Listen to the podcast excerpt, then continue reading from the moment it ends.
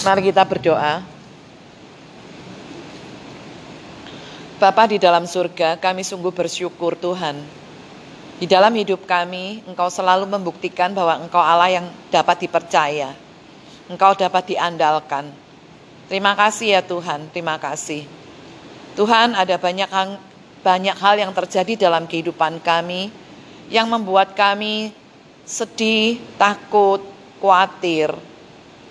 Tetapi ya Tuhan kami bersyukur Engkau tetap memberikan kepada kami firman-Mu. Dan firman-Mu itulah yang menjadi kekuatan bagi kami, bahkan menjadi penghiburan dan pengharapan kami. Terima kasih ya Tuhan. Sebentar kami akan bersama-sama membaca firman-Mu dan merenungkannya. Kiranya Tuhan sendiri yang akan berbicara kepada setiap kami. Terima kasih Tuhan. Di dalam nama Tuhan Yesus kami berdoa. Amin. Sama sore Ibu-ibu. Mari kita membaca dari bacaan harian hari ini. Saya harap sih kita semua sudah membaca. Saya nggak tahu benar sudah baca apa belum. Hari ini kita kan pasal bilangan pasal 23 sampai 25, betul nggak? Oke. Nah, tetapi saya tidak akan membaca semua pasal, tapi saya anggap ibu-ibu sudah membaca. Saya ingin mengajak potongan dari membaca potongan dari uh, sanjak yang diucapkan oleh Bileam. Bilangan 23 ayat 18 sampai 24. Kita baca potongan itu saja. Bilangan pasal 23 ayat 18 sampai 24. Sudah ya, saya bacakan ya. Lalu diucapkannya sanjaknya katanya, maksudnya Bilea mengucapkannya. Bangunlah hai Balak dan dengarlah. Pasanglah telingamu mendengarkan aku ya anak Zipor. Allah bukanlah manusia sehingga ia berdusta. Bukan anak manusia sehingga ia menyesal. Masakan ia berfirman dan tidak melakukannya? Atau berbicara dan tidak menepatinya? Ketahuilah, aku mendapat perintah untuk memberkati dan apabila dia memberkati, maka aku tidak dapat membalikkannya. Tidak ada ditengok kepincangan di antara keturunan Yakub dan tidak ada dilihat kesukaran di antara orang Israel. Tuhan Allah mereka menyertai mereka dan sorak-sorak karena raja ada di antara mereka. Allah yang membawa mereka keluar dari Mesir adalah bagi mereka seperti tanduk kekuatan lembu hutan. Sebab tidak ada Yuk kita lanjutkan ya. Mati lampu sebentar yuk. Tadi sampai ayat 23. Sebab tidak ada mantra yang mempan terhadap Yakub ataupun tenungan yang mempan terhadap Israel. Pada waktunya akan dikatakan kepada Yakub, begitu juga kepada Israel keajaiban yang diperbuat Allah. Lihat, suatu bangsa yang bangkit seperti singa betina dan yang berdiri tegak seperti singa jantan, yang tidak membaringkan dirinya sebelum ia memakan mangsanya dan meminum darah da dari yang mati dibunuhnya.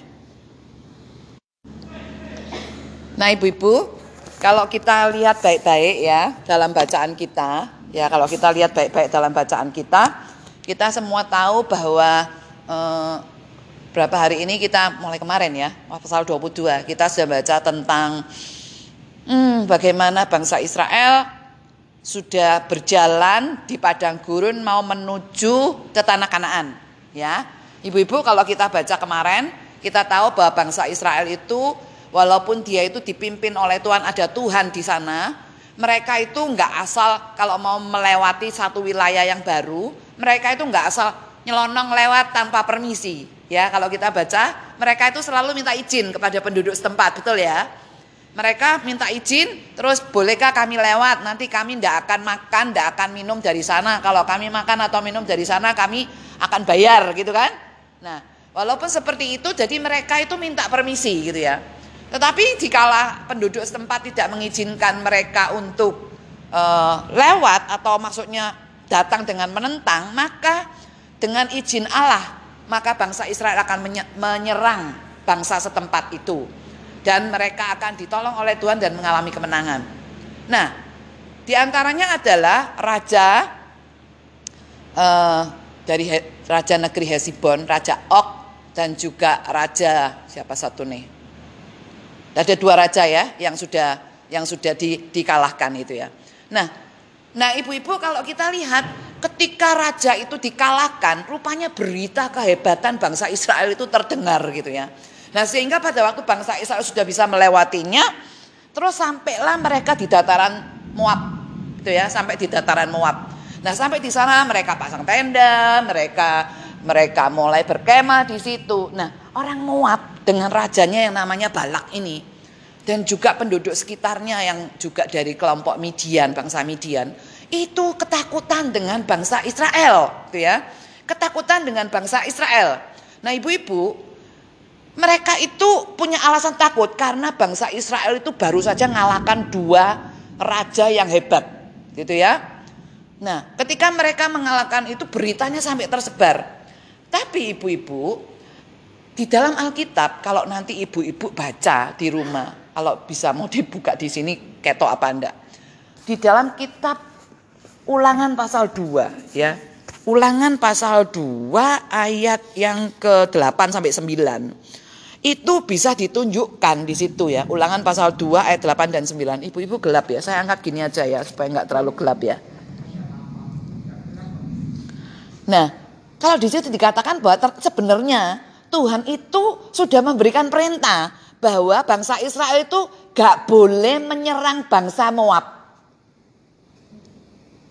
Jadi sebenarnya bangsa Moab itu nggak perlu harus ketakutan. Kenapa? Karena sebenarnya Israel nggak nggak mungkin nyerang mereka karena Allah itu sudah melarang.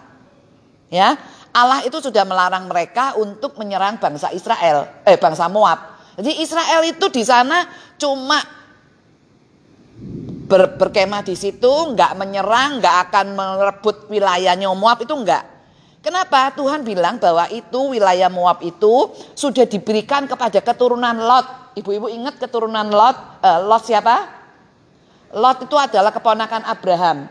Bangsa Moab dan bangsa Amon itu adalah keturunan dari Lot. Tuhan bilang itu wilayah Moab itu akan sudah aku berikan, sudah aku berikan kepada Moab jadi kamu nggak akan aku beri tanah itu. Jadi kamu tidak boleh menyerang mereka. Makanya Israel itu nggak nyerang, gitu ya. Tetapi kalau kita baca bacaan kita, kita bisa tahu bahwa bangsa Moab itu saking ketakutan itu mulai ngajak tetangganya yaitu kelompok tua-tua Midian itu dan dia ajak untuk menyewa tukang sihir, tukang tenung gitu ya. Kan kita baca ya namanya Bileam. Mereka saking takutnya, mereka panggil tukang tukang tenung orang yang dianggap kalau zaman sekarang itu boleh dibilang tukang santet atau wong pinter atau dukun apa adalah yang dianggap mujarab kalau dia ngomong, kalau dia menulahi, kalau dia nyumpahi itu pasti terjadi gitu ya. Itu manggilnya ndak deket loh ibu-ibu. Manggilnya itu jauh, di deket sungai Efrat. Artinya di negeri asal nenek moyangnya bangsa Moab dan bangsa Israel. Ibu-ibu tahu nenek moyang bangsa Israel itu siapa? Abraham toh. Itu asalnya dari mana? Dari Mesopotamia, dari daerah Aram sana. Nah, nenek moyangnya Lot dari mana? Ya dari situ. Jadi sebenarnya itu daerah asalnya itu sama gitu ya. Jadi dipanggillah tukang penung itu yang namanya Biliam itu dari negeri itu dengan pesan bahwa ini ada satu bangsa yang yang kuat yang baru keluar dari Mesir itu sekarang memenuhi wilayahku. Coba kamu kutukin supaya mereka menjadi lemah sehingga kalau kami menyerang mereka kalah. Gitu maksudnya Raja Balak itu pikirannya seperti itu. Nah ibu-ibu, coba kita berpikir sejenak ya ibu-ibu. Tuhan itu loh ngelarang bangsa Israel untuk menyerang Moab. Betul ya? Tapi justru Moab ini yang diem-diem mau mencelakai bangsa Israel. Nah, ibu-ibu, kalau seandainya, seandainya itu terjadi pada kita hari ini, apa yang kita pikirkan? Loh Tuhan itu loh, gak boleh kita ngelawan orang itu. Tapi kok orang itu ngelawan kita? Gitu kan? Makanya sampai kita mungkin pernah mendengar ya. Percuma kamu hidup baik. Jujur itu jadi kujur. Betul ya? Kujur itu apa saya juga nggak tahu sebenarnya. Tapi saya bisa menarik kesimpulan pokoknya nggak enak gitu. Jujur itu nggak enak. Melakukan yang benar itu nggak enak. Taat firman Tuhan itu nggak enak. Jadi rugi. Nah ini pada contohnya bangsa Israel. Wes Moabnya nggak diserang, baik-baik sama Moab, tapi Moab malah berpikiran buruk gitu ya. Rencanakan hal yang buruk untuk Israel. Walaupun sebenarnya Israel juga nggak tahu loh kalau mereka sedang mau disumpahi, sedang mau dikutuk. Mereka itu nggak tahu ibu-ibu. Nah ibu-ibu, apa yang Tuhan ingin kita pelajari dari sini? Tuhan ingin setiap kita dalam situasi apa pun, kita ini tetap harus melakukan yang benar. Ya, Kenapa harus melakukan yang benar? Karena bahwa Tuhan itulah Tuhan itu adalah Tuhan yang dapat dipercaya, Tuhan yang memegang janji. Nah, ibu-ibu kalau kita lihat baik-baik ya dalam bacaan kita, karena kita nggak bisa baca ini jadi wis tak ceritani ya ibu-ibu ya. Sambil nanti dibaca sendiri di rumah. Jadi kita ini persekutuan di dalam kegelapan. Nah, ibu-ibu, jadi kalau kita baca di sana, di mana bangsa bangsa bangsa Moab itu Balak itu memberikan uh, mau membayar Bileam untuk nyumpain itu pada waktu Bileamnya itu datang. Itu ibu-ibu tahu bahwa Alkitab mengatakan Bileamnya itu ngajak uh, Bileamnya diajak oleh Raja Balak itu naik di atas bukit. Betul ya? Baca ya di, di atas bukit. Jadi ada tiga kali dibawa ke ujung sini gitu ya. Dibawa ke ujung sini dari ayat Pasal 22 ayat 4. Pasal 22 ayat 4 dikatakan naik ke bukit Baal. Suruh lihat, ini kutukan, sumpahi ini bangsa Israel. Eh tapi ternyata kok Tuhan berkati gitu ya. Akhirnya Biliam kok memberkati. Diajak lagi naik ke wilayah yang, lain. Yang lain.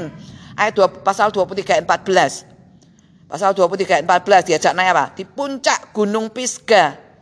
Dengan harapan di sana supaya Bileamnya melihat bangsa Israel yang sebagian itu terus dikutuk. Tapi ternyata enggak juga. Terus diajak lagi naik ke bagian yang lain. Ayat 28 dari pasal 23. Bileam diajak puncak gunung Peor. Tapi juga enggak. Jadi bangsa Israel itu ternyata sebenarnya berkemah di bawah. Jadi Raja Balak bersama dengan Bileam yang si tukang tenungnya itu naik ke atas bukit ngelihat ke bawah. Tuh lihat tuh bangsa Israel. Jadi bangsa Israel itu nggak tahu apa-apa ibu-ibu. Nggak tahu apa-apa. Tetapi walaupun mereka nggak tahu apa-apa. Tapi siapa yang tahu ibu-ibu? Tuhannya bangsa Israel itu tahu banget. Alkitab katakan kenapa kita dalam situasi apa pun. Bangsa Israel dalam situasi apa pun tetap harus nurut sama Tuhan. Karena karena Tuhan itu memegang janji. Di dalam bacaan yang tadi kita baca pasal 23 ayat yang ke-19 dikatakan seperti ini. Allah bukanlah manusia sehingga ia berdusta. Bukan anak manusia sehingga ia menyesal. Masakan ia berfirman dan tidak melakukannya. Atau berbicara dan tidak menepatinya. Jadi Tuhan itu bisa dipercaya. Jadi kita itu kalau dijahati orang walaupun kita nggak nggak bisa bales Udah, tetap nurut toh sama Tuhan. Tetap lakukan firman Tuhan. Kenapa? Karena Tuhan itu bisa dipercaya janjinya. Nah ibu-ibu tahu sebenarnya Tuhan itu janji sama siapa kalau di sini? Tuhan Tuhan itu bukan sekedar janji sama Musa, bukan sekedar janji sama bangsa Israel yang ada pada waktu itu. Tapi ibu-ibu kalau ditelusuri balik, Tuhan itu janji kepada nenek moyang Israel.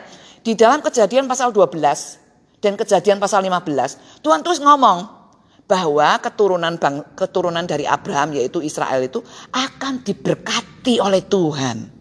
Jadi orang yang ngutuk bangsa Israel akan dikutuk oleh Tuhan. Orang yang memberkati bangsa Israel akan diberkati oleh Tuhan. Dan bahkan di dalam kejadian pasal 15 dikatakan Walaupun nanti keturunan Abraham itu akan jadi budak 400 tahun di Mesir, nanti Tuhan akan bebaskan dan mereka akan memiliki tanah Kanaan. Artinya mereka benar-benar akan masuk di tanah Kanaan, dibawa oleh Tuhan masuk tanah Kanaan. Itu janjinya Tuhan.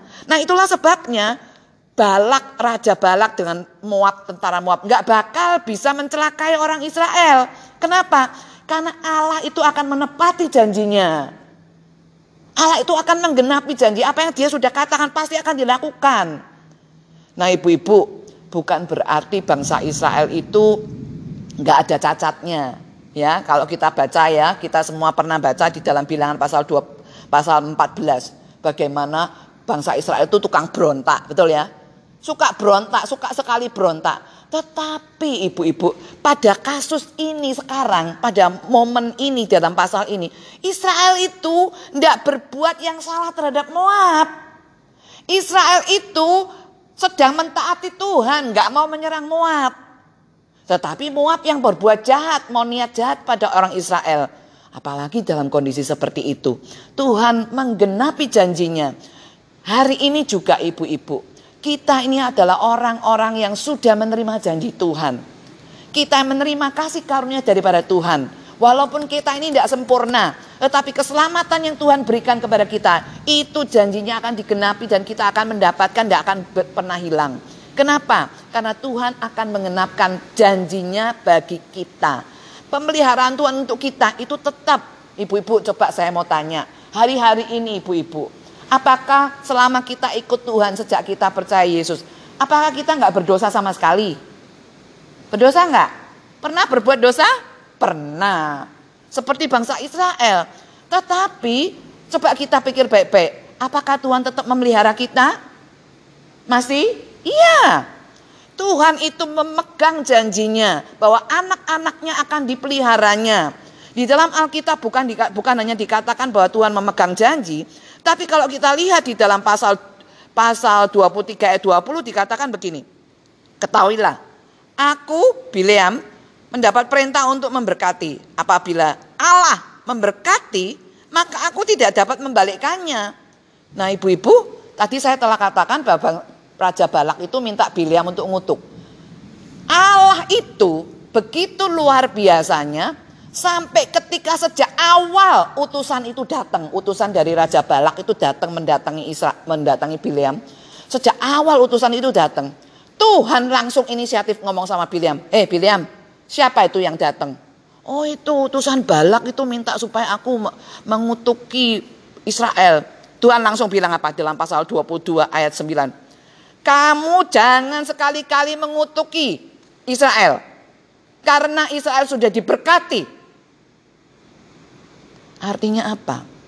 Ibu-ibu, Alkitab ingin menunjukkan kepada kita bahwa Israel itu bukan sekedar suatu bangsa seperti bangsa yang lain. Balak memang ngomong sama Bileam, itu ada satu bangsa itu, itu memenuhi wilayahku, baru keluar dari Mesir. Tapi bagi Allah, kalau kita baca baik-baik, Yakub, Israel, itu disebut namanya ayat 21 lihat tulah eh, tidak ada ditengok kepincangan di antara keturunan Yakub tidak akan dilihat kesukaran, tidak ada dilihat kesukaran di antara orang Israel. Ini maksudnya apa? Sengaja ditulis Yakub, sengaja ditulis Israel untuk menunjukkan apa? Ini miliknya Tuhan. Israel itu yang ngasih nama siapa? Ya Allah. Yakub itu adalah Tuhan sudah pernah janji sama Yakub bahwa keturunannya akan menjadi bangsa yang besar dan akan menduduki tanah Kanaan. Jadi ibu-ibu ingin ditunjukkan bahwa Allah itu kepada bangsa Israel bukan saja Allah itu memegang janji, tapi bangsa Israel itu adalah miliknya yang sudah diberkati. Jadi kalau bangsa yang sudah diberkati, siapa pun yang mau berusaha menghalangi berkat itu, pasti Tuhan akan langsung bekerja Nah ibu-ibu kalau kita lihat baik-baik dalam bacaan kita, bukan cuma, bukan cuma Tuhan itu memberikan perintah jangan ngutuki. Tapi Tuhan jelas-jelas ngomong, jangan kamu sampai men, me, apa, mengutuki, tapi juga Tuhan menghalangi demikian rupa. Tuhan mengendalikan segala situasi dengan cara yang dahsyat ibu-ibu. Sampai lo keledai itu dibuat ngomong. Demi apa? Demi menyadarkan nabi yang tamak akan bayaran itu supaya tidak mengutuki bangsa Israel. Jadi ibu-ibu, kita ini adalah milik Allah sendiri. Allah berjanji untuk memelihara dan memberkati kita. Walaupun sering kali mungkin, ya bukan bukan cuma mungkin, tapi sering kali itu memang terjadi bahwa ada banyak peristiwa bahkan iblis berusaha menggagalkan Tuhan untuk memberkati kita, tapi nggak akan pernah berhasil. Iblis berusaha untuk menghancurkan kita, merebut berkat Tuhan dari kita. Iblis nggak akan pernah berhasil. Kenapa? Karena Alkitab katakan bahwa kita ini bukan sekedar suatu bangsa, tetapi kita ini adalah milik kepunyaan Allah. Ibu-ibu kalau ingat ayatnya di mana yuk? 1 Petrus pasal 2 ayat 9. Kamulah bangsa yang terpilih, imamat rajani, bangsa yang kudus, umat kepunyaan Allah sendiri. Loh coba, umat kepunyaan Allah sendiri, artinya milik Allah. Ojo sampai kamu macam-macam dengan miliknya Allah. Maka Allah sendiri akan berhadapan dengan kamu. Nah itu kata Alkitab. Coba kalau kita lihat baik-baik ya ibu-ibu. Di dalam Alkitab setiap kali bangsa-bangsa itu mau ngutik-ngutik bangsa milik Tuhan, selalu Tuhan sendiri yang berhadapan. Dalam bacaan kita, Tuhan langsung berhadapan dengan Biliam. Langsung Biliam itu dibuat tersungkur sampai uh, keledainya dibuat takut sama malaikat Tuhan yang diutus untuk menghalangi itu. Sampai keledainya bisa mepet, nyepet kakinya Bileam. Sampai keledainya itu bisa ngomong ketika dipukul oleh Bileam. Nah ibu-ibu kita bisa melihat bagaimana kuasa Tuhan itu luar biasa bagi orang-orang yang menjadi miliknya. Ibu-ibu, saya nggak tahu ya kemarin saya tiba pada waktu saya sedang telepon dengan uh, Felicia dengan suaminya.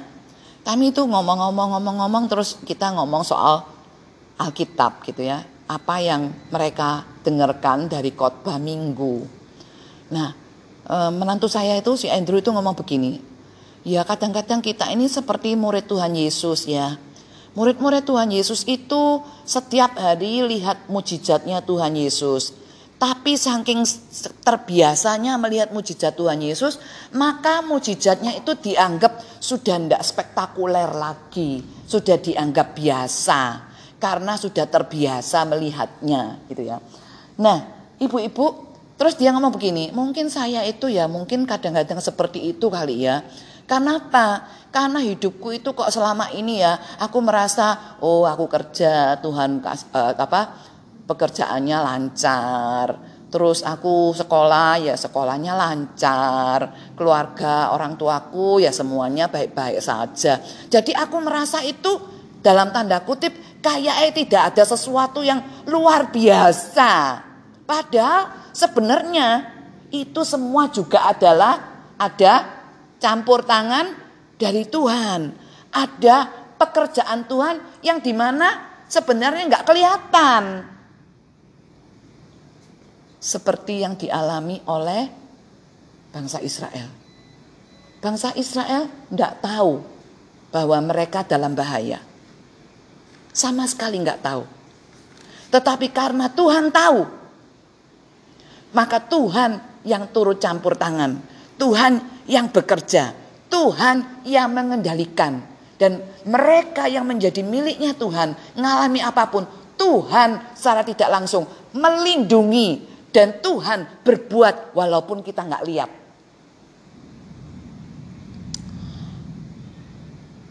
Saya nggak tahu apakah yang apa yang ibu-ibu pikirkan ya. Beberapa waktu yang lalu, eh, tanggal 30 yang lalu, 30 Januari, eh, di rumah saya itu tiba-tiba terjadi plafonnya itu runtuh gitu ya.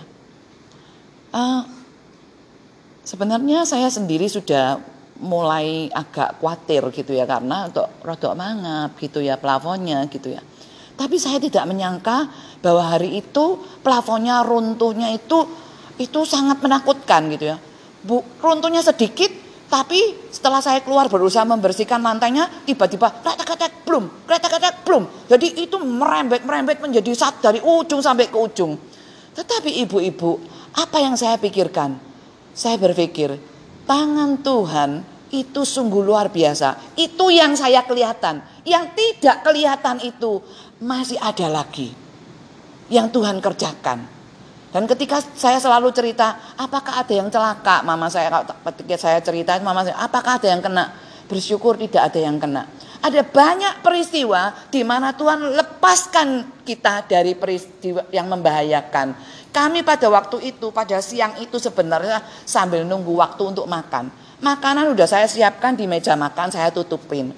Lalu kita nunggu jam makan, masing-masing ada di kamar. Saya di kamar sambil persiapan khotbah untuk hari minggunya, itu kejadiannya Sabtu siang.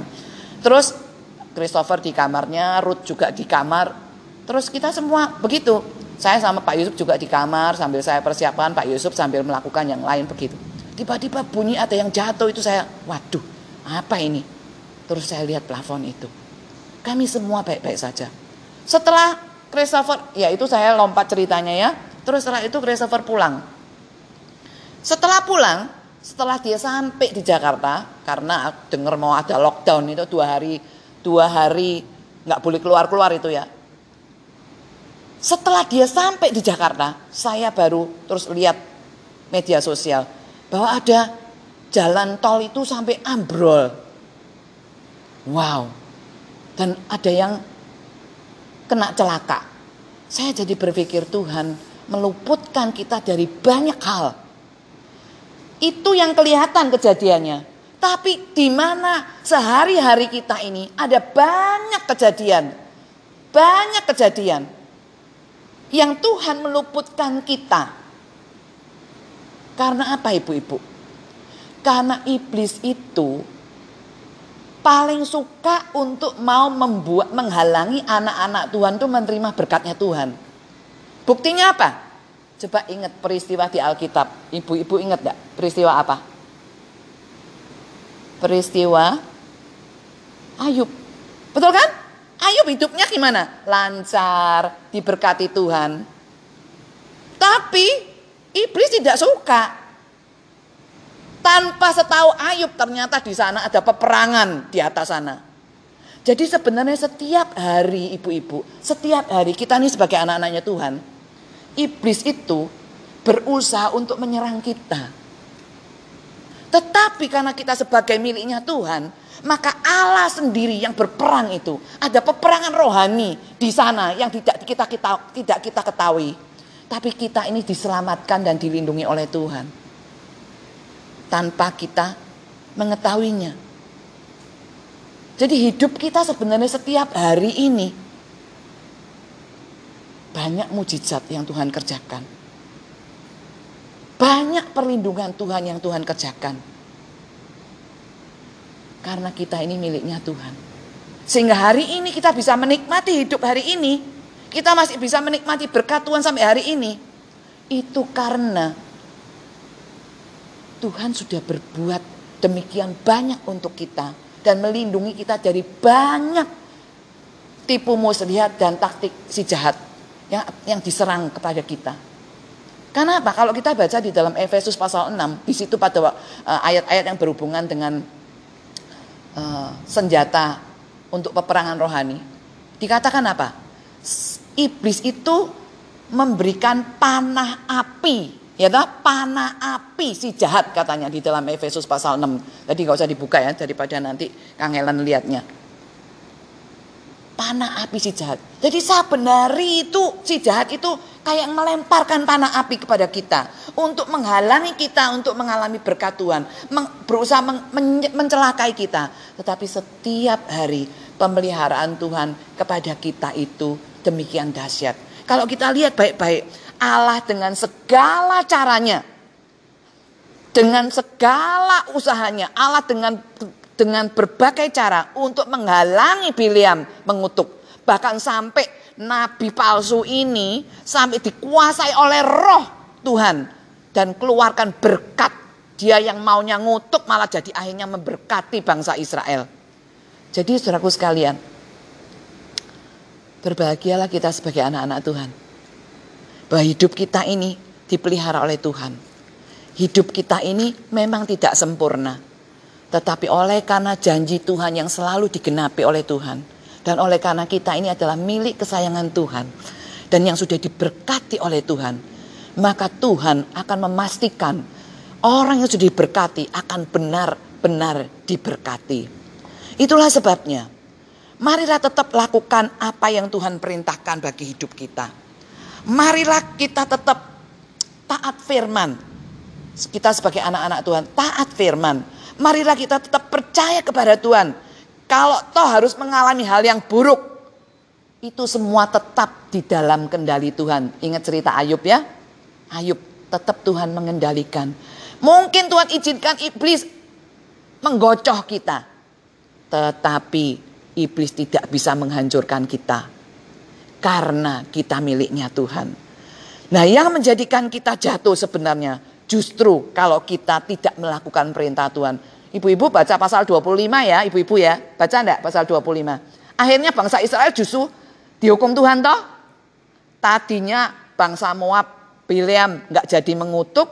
Tapi akhirnya bangsa Israel kan dihukum Tuhan. Kenapa bang ibu-ibu? Karena mereka menyembah Baal. Ibu-ibu kalau mau tahu ya sebenarnya ibu-ibu.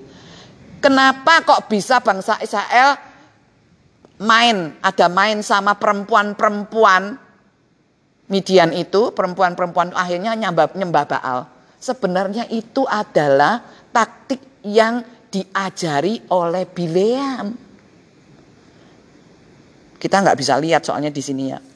Nanti pada kesempatan yang lain akan saya beritahu.